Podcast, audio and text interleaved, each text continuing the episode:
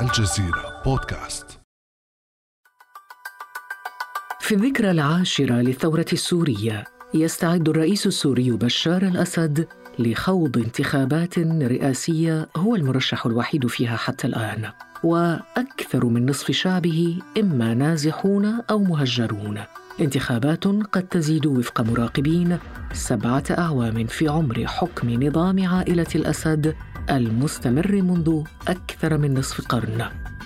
حكم لم تفلح الثورة السورية حتى الآن في إزاحته، فيما استعاد النظام سيطرته بدعم حلفائه على ثلثي أرض سوريا المدمرة. وزادت الانقسامات والتدخلات الخارجية وصراع المصالح الأوضاع السياسية والاقتصادية تعقيدا فما الذي تحتاجه الثورة السورية للخروج من حالة الجمود وما تداعيات الصراع الإقليمي والدولي على مسار الحل السياسي المتعثر وما هي سيناريوهات التسويات المحتملة؟ وأي دور للدول العربية والمجتمع الدولي في دفع مسار الانتقال السياسي في سوريا؟ بعد أمس من الجزيرة بودكاست أنا خديجة بن جنة.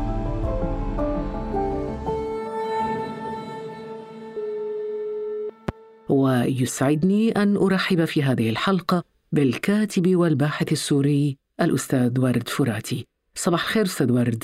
صباح النور ست خديجة. تحياتي إليك ولمستمعينك الكرام. أستاذ ورد بداية طبعا كان لافتا تداول رواد مواقع التواصل الاجتماعي لهاشتاج تجرأنا على الحلم ولن نندم على الكرامة. وهذا تزامنا مع الذكرى العاشرة للثورة السورية. هل برأيك أستاذ ورد ما زال الحلم بالتغيير مستمرا؟ يعني بلا شك خليني أقول لك شغلة. ببدايات الثورة كانت تصير كثير نقاشات يعني بين الشباب إنه ليش بدأت الثورة وليش طلعتوا خصوصا يعني مع شباب عرب على الفيس وعلى وسائل ثانية. فكان يعني الحديث الطبيعي عن المجازر عن حالة القمع عن كل هذا الأمر. لكن يعني أنا كنت دائما أردد كلمة إنه أسوأ شيء قدر يعمله النظام بسوريا بالأربعين سنة اللي حكم بيها هو إنه قدر يقتل حالة الحلم أو قدرة السوريين على إنه يحلموا على إنه يحلموا إنه ممكن يغيروا على إنه يحلموا إنه ممكن يعملوا شيء بحياتهم يعني حتى على المستوى الشخصي وليس على مستوى البلاد. فيعني الإنجاز الأكبر اللي صار بالثورة وبدايتها تحديدا هو إنه لا يعني تجرأوا قدروا يحلموا. فعلا قدروا يحلموا إنه ممكن. وما زال الحلم موجود رغم الكوابيس. والحلم والحلم مستمر قطعا رغم كل شيء. الحلم بالتغيير خلينا نقول هو أول مكتسبات الثورة. الحلم مستمر لكن دعنا نقف عند الأخطاء أستاذ ورد. ما هي برأيك الأخطاء التي وقعت فيها الثورة السورية؟ الأخطاء كثيرة يعني لكن هي حالة طبيعية أنا باعتقادي. الثورة السورية حالة ثورة شعبية ثورة ما, ما انطلقت بحزب ولا بتيار ولا حتى كان موجود فيها نخبة. هذا واحد من أخطائها أنه الثورة يعني كانت ثورة بدون رأس. قطعا. وهذا بالمناسبة هذا واحد مما يؤخذ على الثورة السورية أنه هي ما استطاعت أنه تنتج قيادة. واحدة إلها. لكن حتى هذا الخطأ اللي يؤخذ على الثورة السورية هو كان بكثير أوقات آه، واحد من أهم وسائل تحصينها آه، من إنه تخترق أو إنه يعني خلينا نقول تختطف. تختطف أو تدخل أو تباع بمساومات أو مزايدات سياسية. الأخطاء اللي موجودة بالثورة واللي ممكن يكون أيضا رغم أن جزءا منها بيعة في المزايدات السياسية أستاذ ولد. أنا باعتقادي يعني هذا ممكن نحكي عنه يعني بعد قليل لكن المزايدات أو حالة المساومة السياسية اللي اضطرت الثورة تدخلها هي كانت حالة إجبارية لكن ما بيعت حتى اليوم. من الأخطاء اللي كثير تؤخذ أيضا على الثورة السورية هو فكرة تخبط مشروعها. لأنه هي دخلت بحالة بالبداية حالة سلمية بعدين انتقلت لحالة مسلحة بعدين دخلت بحالة المد الإسلامي اللي كانت موجودة به إلى آخره. لكن هذا أيضا ممكن يؤخذ تبعا وجهتين نظر. وجهة النظر الأولى اللي تقول أنه الثورة ولدت وولد معها مشروعها كاملا. أنا هذا لا أراه حقيقة. الثورة السورية آه، ولدت وبدأ معها مشروعها. مشروعها اللي تبلور خلال سنينها بكل منعطفاتها بكل أخطائها بكل حالة سقوط ثم نهوض مرة أخرى إلها لحتى وصلنا لحالة تبلور مشروع حقيقي للثورة السورية. مشروع يرى أنها ثورة جذرية وثورة تغيير شامل. لا تقبل فقط بإسقاط آه، النظام ورموزه هي تريد إسقاط منظومته بشكل كامل مشان تعيد بناء الهوية السورية عدا الخطأين تخبط مشروع الثورة وأنها لم تنتج قيادة. هناك أخطاء أخرى؟ بالطبع يعني أنا قلت من البداية هي حالة ثورة شعبية ثورة ما لها قيادة. فمن يستطيع أن يقنع شعوب وجموع غاضبة انطلقت بثورة وتختبر لأول مرة حالة أن تكون هي الفاعل بمصير البلاد أن تكون هي الفاعل بما يمكن أن تؤول إليه الأمور. من يستطيع أن يقول لهم لماذا أخطأتم هنا أو لماذا أخطأتم هناك؟ أصلا هذا هو اللي يخليها ثورة حقيقية. إذا ذكرت أستاذ ورد من أخطاء الثورة أنها لم تنتج قيادة وأنها ثورة تخبط مشروعها بين السلم والمسلح والمد الإسلامي. هل من أخطاء هذه الثورة أيضا أن المعارضة السورية كانت معارضة ضعيفة سواء تحدثنا عن المعارضة السياسية أو المسلحة كانت ضعيفة وأضعفت الثورة بالتالي؟ بلا شك المعارضة السياسية والوسائل العسكرية للثورة السورية والكيانات السياسية للثورة السورية كان لها أخطاء أدت إلى إضعاف حالة الثورة لكن هاي كلها أخطاء يعني ممكن نصنفها تحت مظلة أكبر اسمها أخطاء ذاتية أو عوامل ذاتية للضعف إن صح التعبير لكن ما حجم هذه العوامل الذاتية حقيقة أمام العوامل الأخرى. باعتقادي الشخصي يعني لا تذكر العوامل الذاتية اللي أدت لضعف الثورة هي يعني خلينا نقول قطعا صفرية مقارنة بغيرها. هناك مبالغة في تحميل الكيانات السياسية على سبيل المثال للثورة مسؤولية ما وصلنا إليه لكن ما الذي كان يمكن لهم؟ فعله لكن تبعيتها لأطراف خارجية هل يعد من الأخطاء؟ هذا ما أريد أن أقوله. ما الذي كان يمكن لهم أن يفعلوه؟ يعني عندما بدأت الثورة وبدأ تشكيل الأجسام السياسية للثورة خرجوا لم يكن متاحا لهم أن يشكلوا هذه الكيانات في الداخل السوري وشكلوها في الخارج. وهنا دخلت الدول. كل دولة تريد مصالحها وكل دولة تجذب البساط نحوها بشكل أكبر وكل دولة لها أجندتها وهؤلاء يريدون استثمار الدول. أيضا بالنسبة للفصائل العسكرية وهذه نقطة أجدها من الضروري أن تذكر. عسكريا الفصائل الثورية بشكل كامل هي بدأت كشكل يعني بشكل مجموعات صغيرة وبسيطة ضعيفة التسليح أساسا وانتقلت بشكل تدريجي مع تزايد حدة النظام من حدة العنف اللي مارسه النظام. أو يعني حتى كلمة عنف هي تجميل للواقع خلينا نقول مواجهة الحرب اللي شنها النظام على الشعب. انتقلت من القتال آه، من حماية المظاهرات. إلى آه، مواجهة عسكرية لحشودات النظام إلى حالة تحرير للمناطق. واستطاعت بالفعل أن تهزم النظام. النظام أعلن هزيمته رسميا أواسط 2013 عندما استعان بحزب الله اللبناني وعندما استعان بالميليشيات الإيرانية وعلى رأسها الخبراء الإيرانيين من الحرس الثوري. وحتى هؤلاء بعد أن دخلوا ولكنه استعاد قوته فيما بعد واستعاد مناطق كثيرة. بالطبع بلا شك. لكن ما أريد أن أقول حتى هذه الميليشيات التي دخلت ودولة كاملة بحجم إيران لها خبرة في العمل العسكري حتى هذه أعلنت هزيمتها رسميا أواسط العام 2015 أو في أيلول 2015 عندما استعانت بالروس الذين صرحوا بوضوح واليوم في 2021 أنهم لو لم يتدخلوا لسقط النظام في سوريا. اليوم في 2021 وبعد التدخل الروسي بترسانته العسكرية الهائلة بحجمه الهائل في مواجهة ثوار منعوا حتى أبسط أنواع الأسلحة يعني يمكن أحدث سلاح دخل الثورة السورية هو التاو. هنا هل التسليح كان خطأ؟ تسليح الثورة؟ لا بالعكس ما كان خطأ. من يستطيع أن يقول لأناس يذبحوا كل يوم آه، لا تدافعوا عن أنفسكم. أصلا هل يمكن لهذا النظام أن يسقط بغير الحاله المسلحة؟ لا أعتقد ذلك. اليوم بعد ما دخلوا الروس هذه النقطة اللي هو تحميل الفصائل العسكرية والكيانات السياسية المسؤولية الكلية على ما حدث هي مبالغة يعني هم هم واجهوا بما يملكون واستطاعوا أن يحققوا إنجاز حقيقي، اليوم الروس صحيح سيطروا على مناطق واسعة، سيطروا عليها يعني بضوء أخضر دولي وما إلى ذلك، لكن هل استطاعوا أن يصلوا إلى حالة حسم حقيقي؟ لا أعتقد ذلك. جميل أن يعني سلطنا الضوء على هذه الجملة من الأخطاء بين قوسين منها الصغير ومنها الجسيم. لنصل الآن إلى هذا الواقع بعد عشر سنوات من الثورة السورية. إلى ماذا وصلنا أستاذ ورد؟ يعني اليوم خلينا نحكي عن وضع البلد بلد مقسم بين يعني مناطق سيطرة ونفوذ لدول متعددة وضع اقتصادي مأساوي حالة انهيار بالليرة السورية.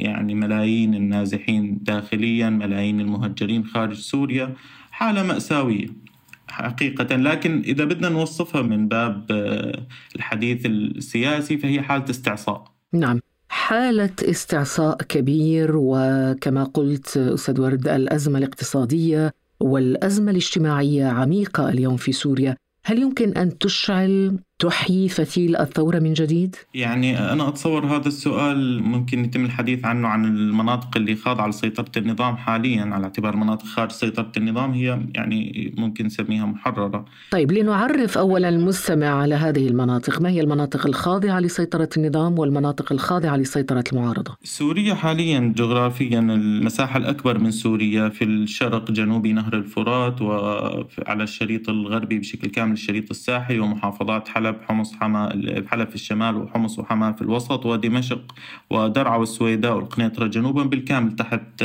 سيطرة النظام لكن مع نفوذ متفاوت روسي إيراني في كل منها. وهناك حالة يعني مثل حالات أشبه بحكم خارج سيطرة النظام في درعا على سبيل المثال اللي هي تخضع لحالة خاصة السويداء أيضا اللي هي ليست تماما تحت سيطرة النظام وإنما بسيطرة مجموعات محلية. شمال سوريا لدينا الامتداد اللي يشمل محافظة محافظة إدلب ومنطقتي ريفي حلب الشرقي والشمالي وشمالي الرقة.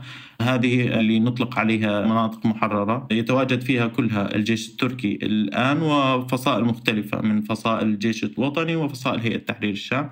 شرق سوريا على جانبي نهر الفرات في محافظة الرقة وفي منطقة الجزيرة على الضفة اليسرى أو شمالي نهر الفرات في محافظة دير الزور وبكامل محافظة الحسكة هي خاضعة لسيطرة قوات سوريا الديمقراطية المدعومة بشكل أساسي من الولايات المتحدة الأمريكية. نعود الآن إلى صلب السؤال الذي كنا بصدد مناقشته أستاذ ورد وهو هل يمكن للأزمة الاقتصادية والاجتماعية العميقة في سوريا أن تشعل فتيل الثورة من جديد؟ يعني أنا أتصور بأن الحديث عن المناطق الخاضعة لسيطرة النظام وباعتقادي آه، لا يمكن لهذا أن يحدث. المناطق الخاضعة لسيطرة النظام حاليا آه، هي نوعين من المناطق. مناطق آه، لم تخرج أساسا من سيطرته وهي يطلق عليها تجاوزا حواضن للنظام وهذه مرتبطة عضويا بالنظام بمنظومته العسكرية ومنظومته الأمنية ومنظومته أيضا الاقتصادية وهي لا يمكن أن تثور بحال من الأحوال. لأنها هي يعني آه، هي جزء اليوم جزء حقيقي من النظام. أما المناطق الأخرى التي سيطر عليها بعد التدخل الروسي فهي مناطق آه، سحق فيها حرفيا المجتمع. اليوم هي مناطق خالية من الشباب بنسبة كبيرة. أغلب شبابها مهجرين أو شهداء أو نازحين إلى آخره والموجودين فيها هم أشخاص لا يملكون أصلا أن يتواجدوا في مكان آخر. لا يملكون آه، أن يخرجوا خارج البلاد لا يملكون أن يستأجروا منزل في منطقة نزوح. الحديث عن ثورة مهما ضاق الأمر ومهما أصبح الوضع الاقتصادي سيء باعتقادي هو أحلام وردية.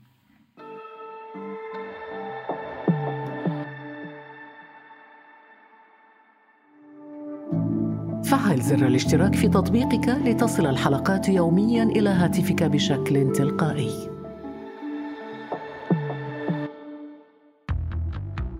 وسط تعقيدات الوضع وهذه الأزمة الاقتصادية والاجتماعية وهذا الانقسام وغياب مناخ الثقة هناك مسار سياسي موجود يتعثر صحيح ولكن موجود.